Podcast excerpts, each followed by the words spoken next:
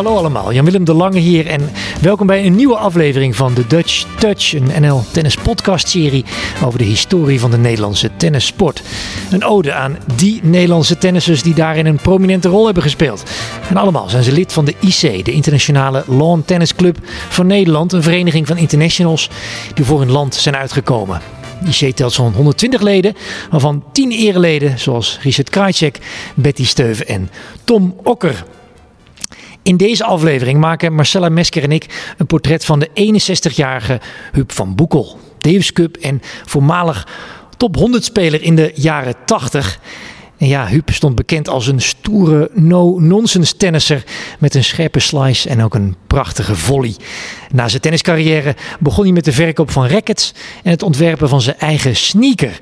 Tegenwoordig is hij directeur eigenaar van Hub Footwear en met 1200 verkooppunten in Europa nogal succesvol als ondernemer. Dus van stoere proftennisser naar artistiek ontwerper met een ja, ja, toch echt een hippe, succesvolle uitstraling. Goedemiddag, Huub. Dankjewel, dankjewel. Mooie introductie.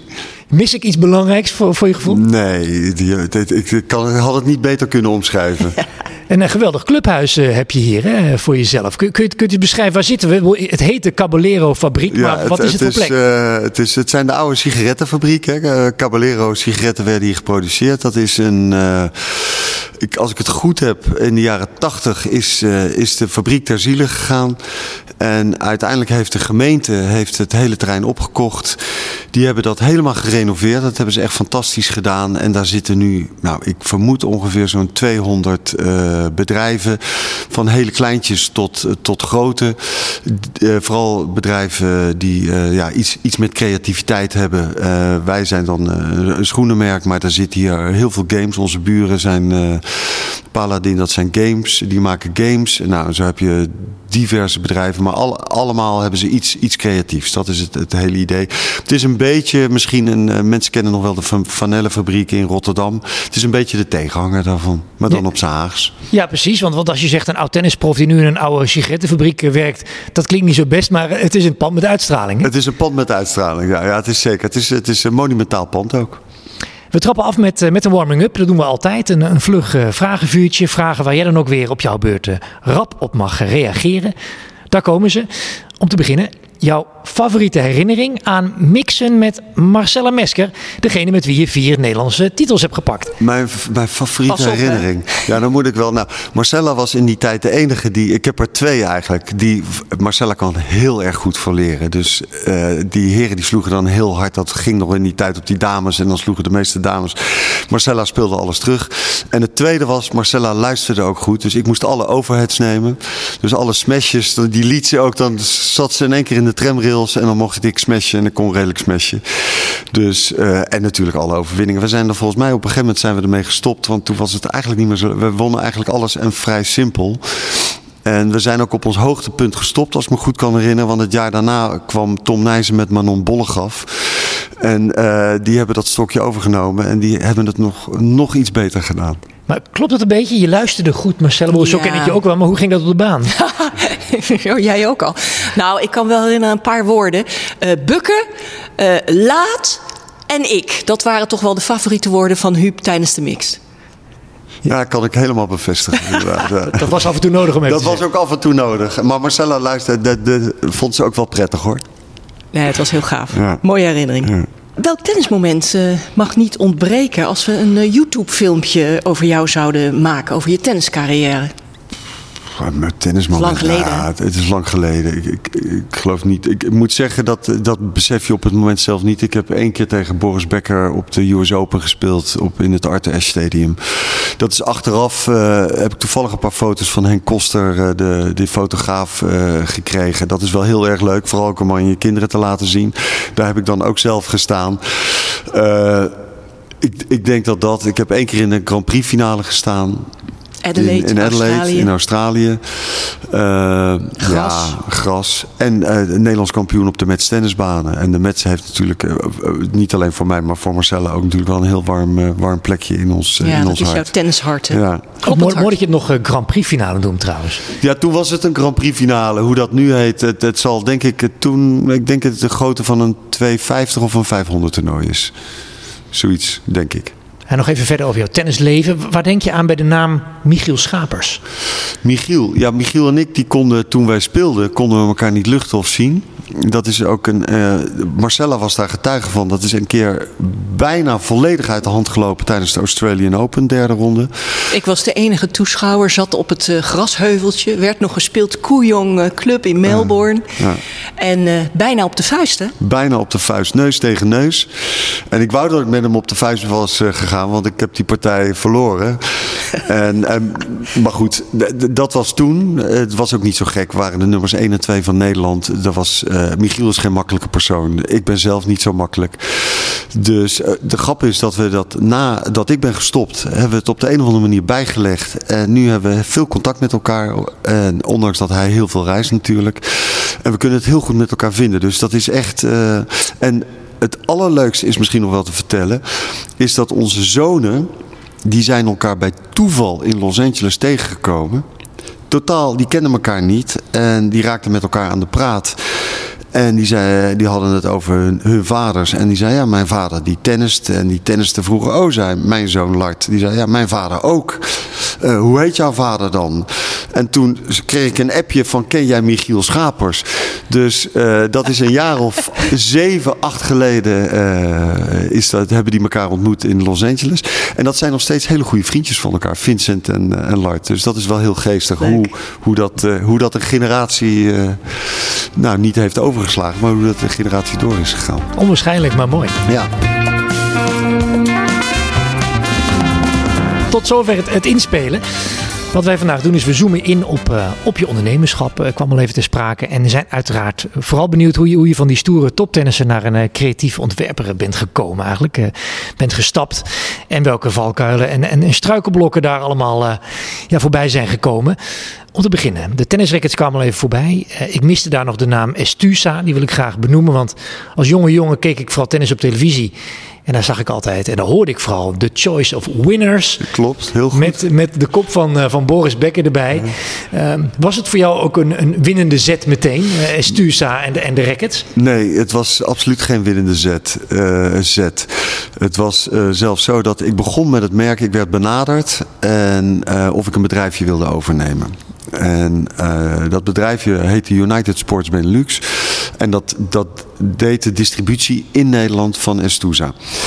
Uh, en dat leverde dan aan, uh, aan tennisshops en aan tennisboutiquejes. En toen ik dat uh, daar instapte, zat uh, Boris Becker stond onder contract, Jimmy Connors stond onder contract. Dus ik denk van nou, dat is, het, was, het merk is eigendom van een van de allergrootste fabrieken tennisproducenten ter wereld. Bestaat het nog eigenlijk? Uh, het merk bestaat volgens mij niet meer, de fabriek nog wel. Zij waren de grootste producent van Wilson onder andere.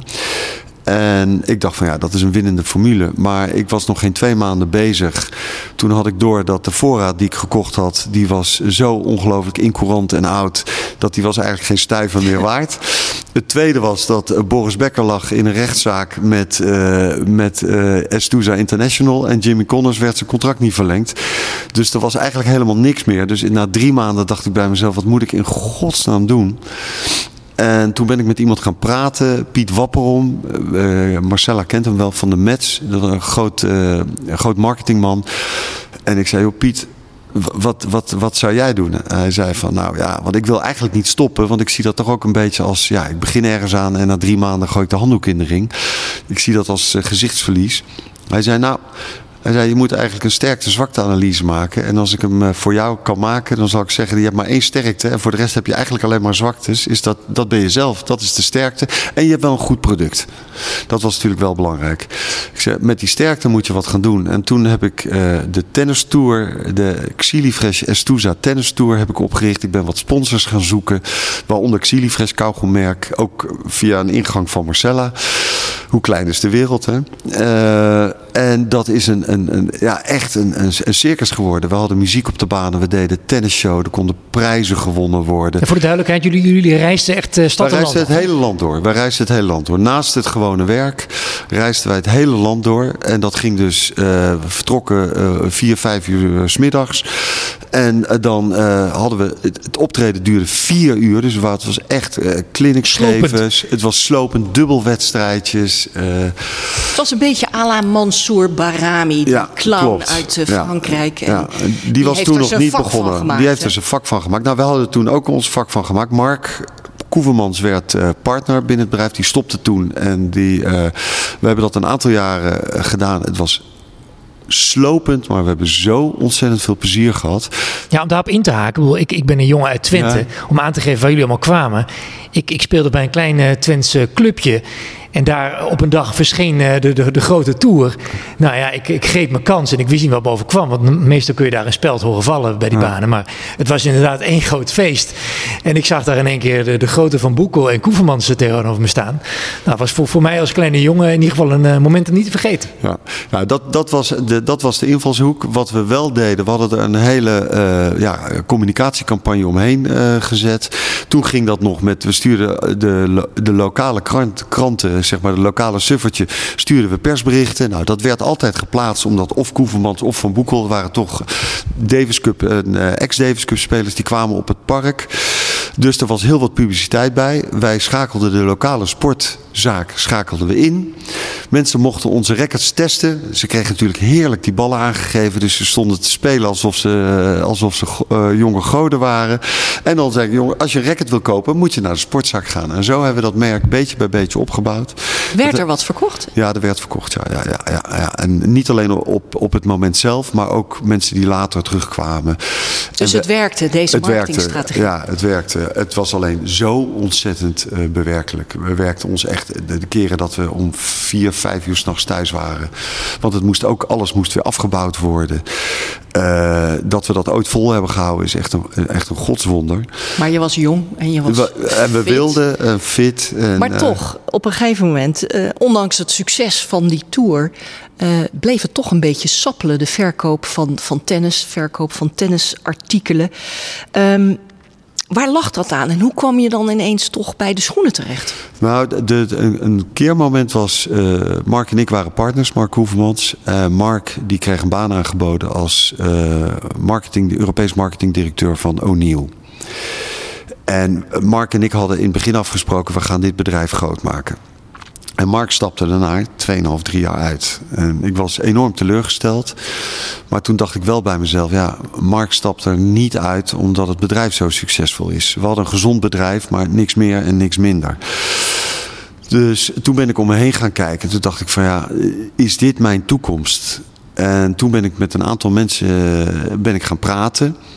En eh, toen kreeg ik de mogelijkheid om een sneakermerk eh, wat uit Amerika kwam, Perry Ellis. eh, waar die een licentie hadden voor Europa om dat in Nederland te gaan vertegenwoordigen. En toen heb ik gedacht van ja, ik probeer dat gewoon. Sneakers, ik heb mijn hele leven eh, op de tennisbaan en buiten de tennisbaan op sneakers gelopen. Dus waarom ga ik dat niet verkopen? En dat eh, ging zoveel makkelijker dan tennisrackets verkopen. Want die, die, die tennisrackets waren kwalitatief veel te goed. Eh, de houten rackets die gingen heel veel kapot. Maar de graphite rackets die gingen bijna niet meer kapot. Dus die markt was relatief klein. Er waren drie marktleiders. Dat was Het, eh, Wilson en eh, in dat tijd eh, Prins nog. Nog was nog voor de Babolat tijd. Dunlop deed een beetje mee, maar vooral door de tennisballen ook. Ja, dat was bijna niet. Dat was allemaal internationaal en wij waren gewoon lokaal in Nederland. Dus toen ben ik eigenlijk binnen twee, drie jaar heb ik het bedrijf omgebouwd van, van tennis naar, naar schoenen, naar sneakers. En dat is eind jaren negentig geweest. Begin jaren, begin eh, tw- eh, 21ste eeuw.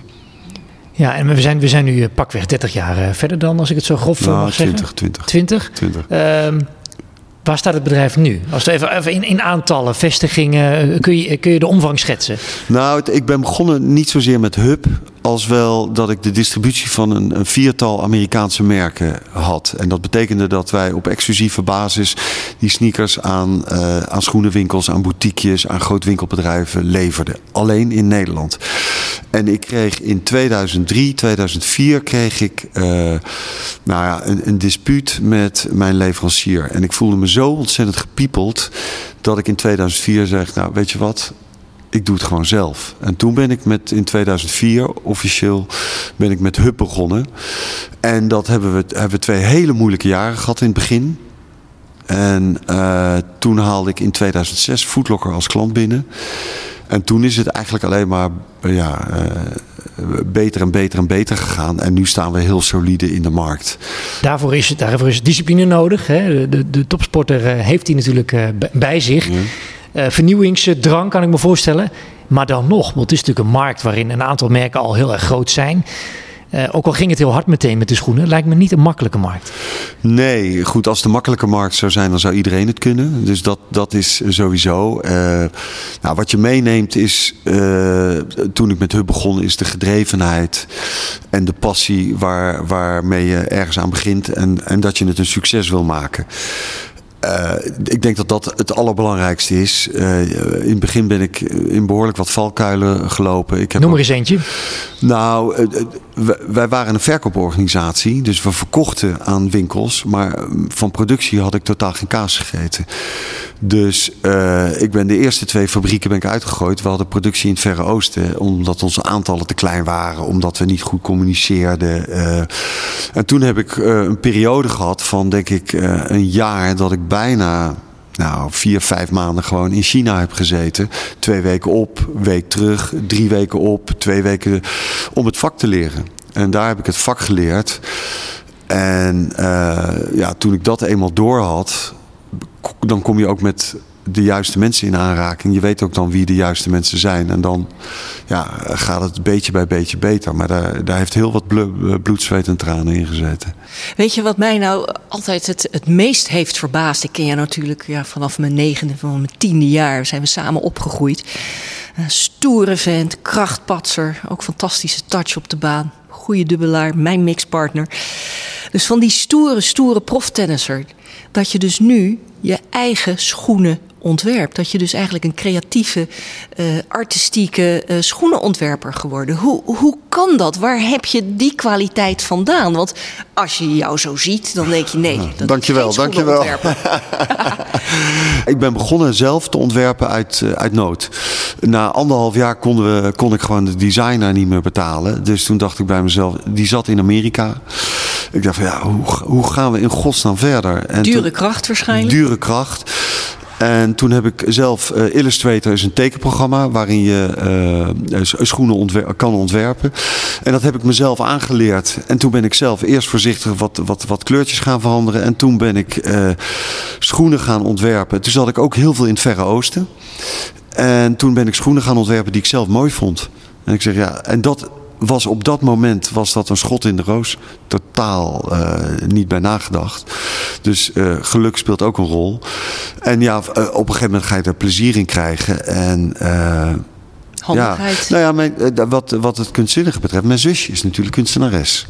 Dus er zit wel een duidelijke uh, creatieve tak in, uh, in de familie. Maar die is bij mij vroeger nooit naar boven gekomen. Dat klopt, ja.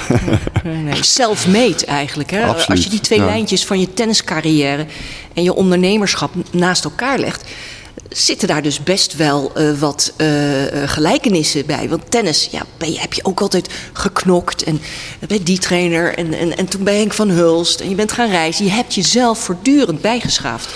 Is dat te vergelijken, die twee carrières? Ja, ik denk het wel. Ik denk het wel. Ik ben natuurlijk een redelijke eigenheimer. Uh, Kun je dat uitleggen? Nou, ik, ik, ik, ga graag, uh, ik, ik hou ontzettend van mijn vrijheid en van mijn zelfstandigheid. Uh, dus ik kies eigenlijk mijn eigen pad. En dat heb ik eigenlijk mijn hele leven eh, gedaan. Uh, dat geldt trouwens voor de meeste tennissers natuurlijk, want de meeste tennissers zijn individualisten. Uh, maar die gelijkenis is wel. Ik ben trouwens pas echt serieus gaan tennissen toen ik in contact met Henk van Hulst kwam. Want daarvoor was ik eigenlijk toch iets meer aan het feestvieren en aan het uh, genieten. Aan het genieten. En uh, in die tijd behoorde je al heel snel tot de top van Nederland. En dan speelde je de A-toernooien en dan verdiende je geld. En daar kon ik prima mijn kamer en mijn onderhoud en alles van betalen. Dus, maar toen ik met Henk van Hulst in, in aanraking kwam, ben ik veel serieuzer gaan, gaan tennissen. Ik moest ook in dienst. Dat was voor mij ook een wake op call. En, maar met mijn carrière, met mijn, met mijn schoenencarrière is het eigenlijk, een, ja, eigenlijk wel een beetje hetzelfde gegaan. Zelf eerst uitdokteren en dan een, een, een bepaald pad kiezen. Ja. En met de juiste mensen om je heen verzamelen. We hebben natuurlijk eh, even gelezen wat je eerder hebt gezegd. En daar, daar kwam een uitspraak tegen. Er is een heel groot verschil met de tenniswereld. Want daar komt je karakter totaal bloot te liggen. Die uitspraak gaat nog wat verder. Maar uh, wat kwam er precies bloot te liggen als het gaat om jouw karakter? Nou, Kijk, op een tennisbaan en dat weet Marcella denk ik beter als geen ander. Je gaat alleen op die tennisbaan op. En alle emotie komt naar voren op zo'n, op zo'n tennisbaan. Dat, je kan jezelf niet verbergen. En uh, dat kan Djokovic niet, dat kan Nadal niet, dat kon McEnroe in dat tijd niet. Dus het komt gewoon naar boven. Uh, omdat je continu op je tenen loopt. Nou is het wel zo dat in het zakenleven loop je minder op je tenen. Althans, zo heb ik dat ervaren. En je hebt natuurlijk uh, tijden van, van spanningen, zeker als, als het slecht gaat, maar misschien ook als het goed gaat. Maar het, je kan het wat makkelijker verbergen, want ja, op zo'n tennisbaan komt alles naar boven. En je staat er in je eentje. Op een voetbalveld sta je nog met z'n elfen. Maar op zo'n tennisbaan sta je in je eentje. Dus, en uiteindelijk, kijk naar alle mensen. Als ze op een spelletje gaan doen, komt het karakter van iemand naar boven. Nou, dat is eigenlijk alleen maar leuk. Dus, uh... En als het om jezelf gaat, wat waren dan kanten van jezelf die, die, die genadeloos naar boven kwamen drijven? Ja, nou ja, ik, ik, ja. Uh, ik kan wel redelijk tegen draad zijn. Ik kan ook wel redelijk. Uh, ik was vroeger, ja, ik, goed. maar ik denk dat beter de Marcella dit kan toelichten. Het woord recalcitrant komt immer naar boven. Ja, dat, uh, absoluut, absoluut. Ja, ja, ja, ja. En uh, ik kon redelijk in gesprek gaan met scheidsrechters. En uh, ja. Netjes gezegd waarschijnlijk. Ja, heel, heel netjes gezegd. Ja, maar je was ook een, een doorzetter, een vechter. Absoluut, ja. ja, ja, ja. ja ik, moest het, ik denk dat ik niet een, echt een heel groot tennistalent ben geweest. Ik denk dat uh, fysiek, ik was fysiek heel sterk. Ik denk dat ik een redelijk spel in zicht heb. En, uh, en heel gedreven. En, de... en, van de spelletjes van vroeger, die wij uh, in onze jeugd speelden, klaverjassen, flipperkasten, ik verloor altijd. Want ja, die gedrevenheid om te winnen bij jou, die was, was enorm. Spelletjes en ook het bluffen, kaartspelletjes, pokeren. Ja, aan mijn gezicht kon je aflezen wat, uh, wat voor kaart ik in de hand had. Maar bij jou niet. Dus, dus jouw houding en, en ja, het bluffpoker kon je natuurlijk ook op de tennisbaan spelen. Kan je dat ook in je, in je bedrijf? Ja, heel veel. Dat, uh, nog veel meer dan op de tennisbaan. Oh ja? Ja. Hoe doe je dat dan? Nou ja... Of kunnen we dat niet verklappen? Nou, nee, nee, nee. Nou goed, je, als jij met leveranciers onderhandelt... Uh, of dat nou klanten zijn of leveranciers. Het gaat heel vaak over geld, over marges, over kortingen. Uh, het, is, het, blijft altijd inschatten van uh, hoe staat je in dit geval je tegenstander ervoor. Kijk, een, een, tenniswedstrijd is leuk, maar als je alleen maar met jezelf bezig bent, dan, dan doe je vaak jezelf tekort. Uh, ik noem maar iets. Uh, het is heel belangrijk om ook met je tegenstander bezig te zijn.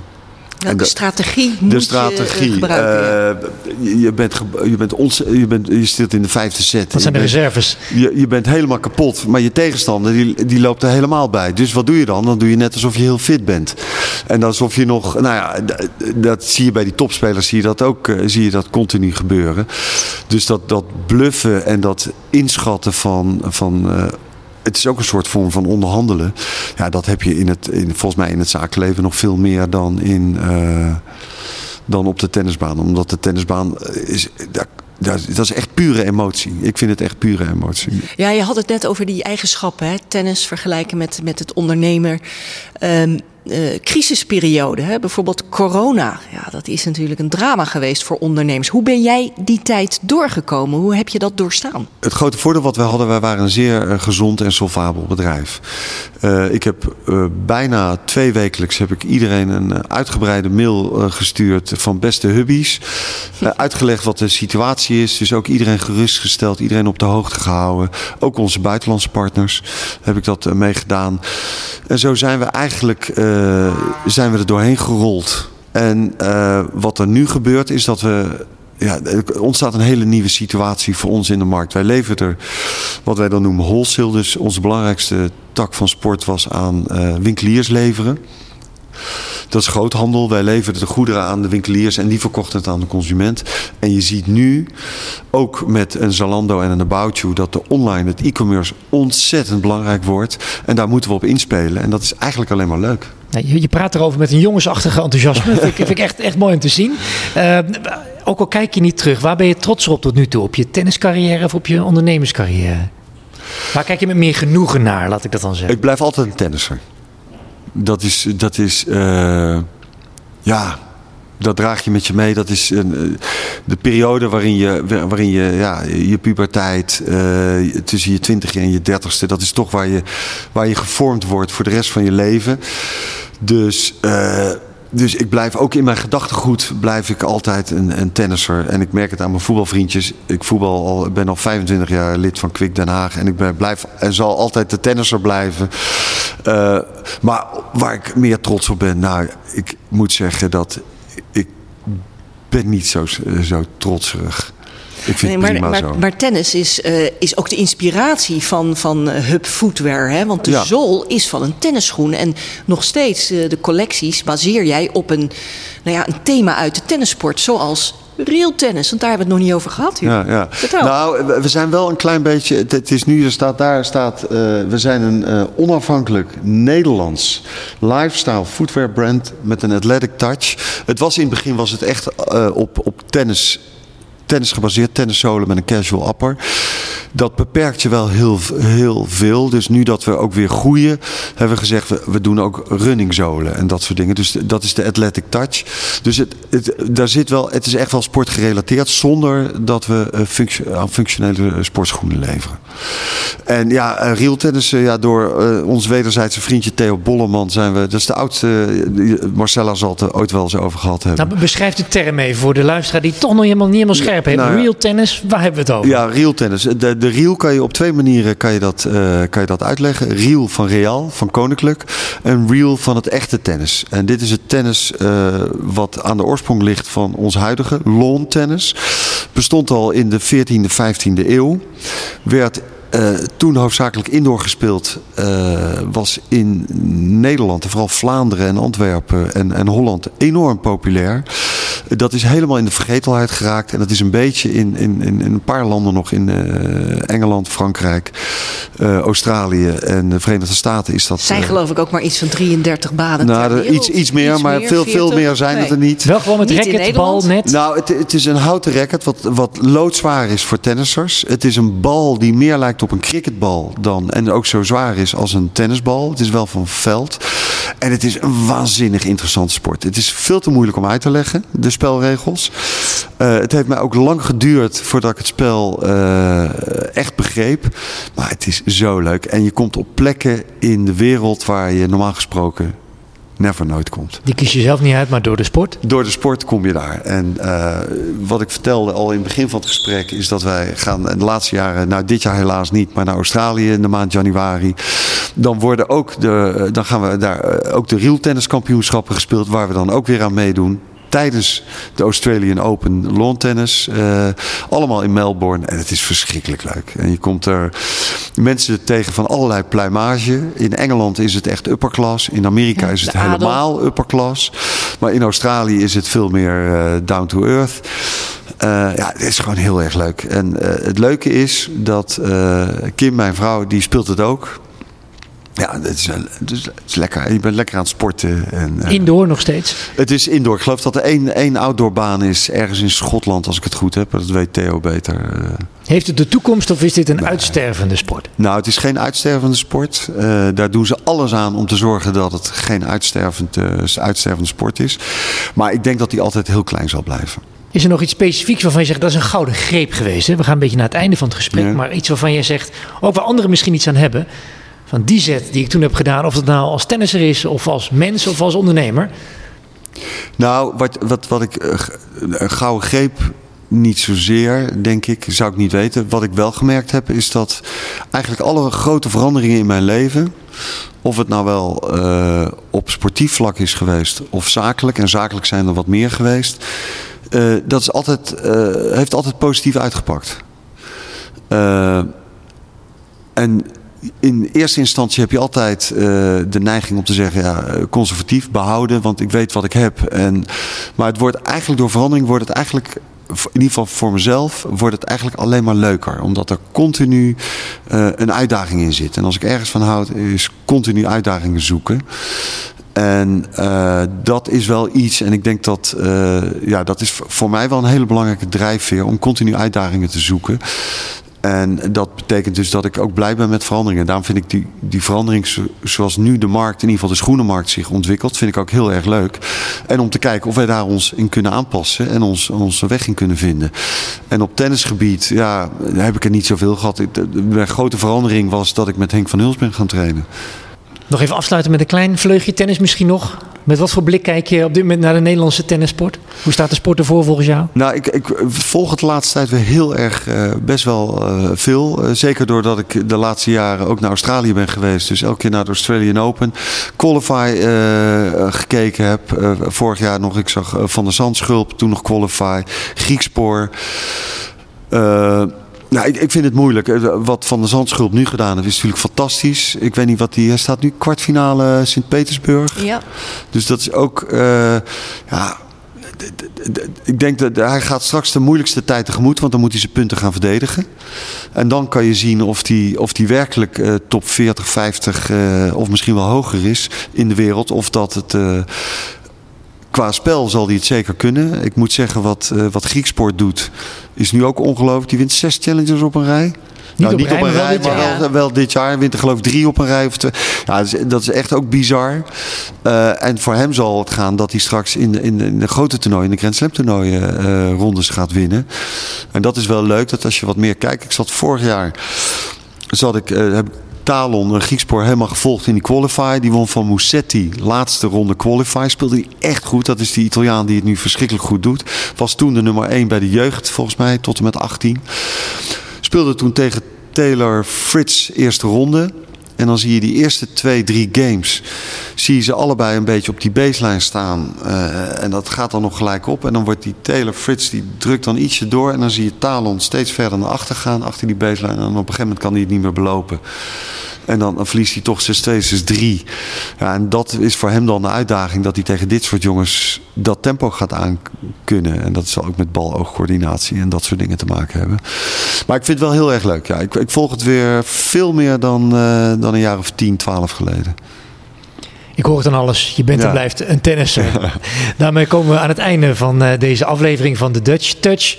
Huub, erg leuk dat je onze gast wilde zijn hier in de Caballero Fabriek. Ja, en luisteraars, wil je de andere afleveringen uit deze reeks uh, terugluisteren? Dan kan het uiteraard via de bekende kanalen, waaronder Spotify en Apple Podcasts. Voor nu bedankt voor het luisteren en uh, tot gauw. Dag.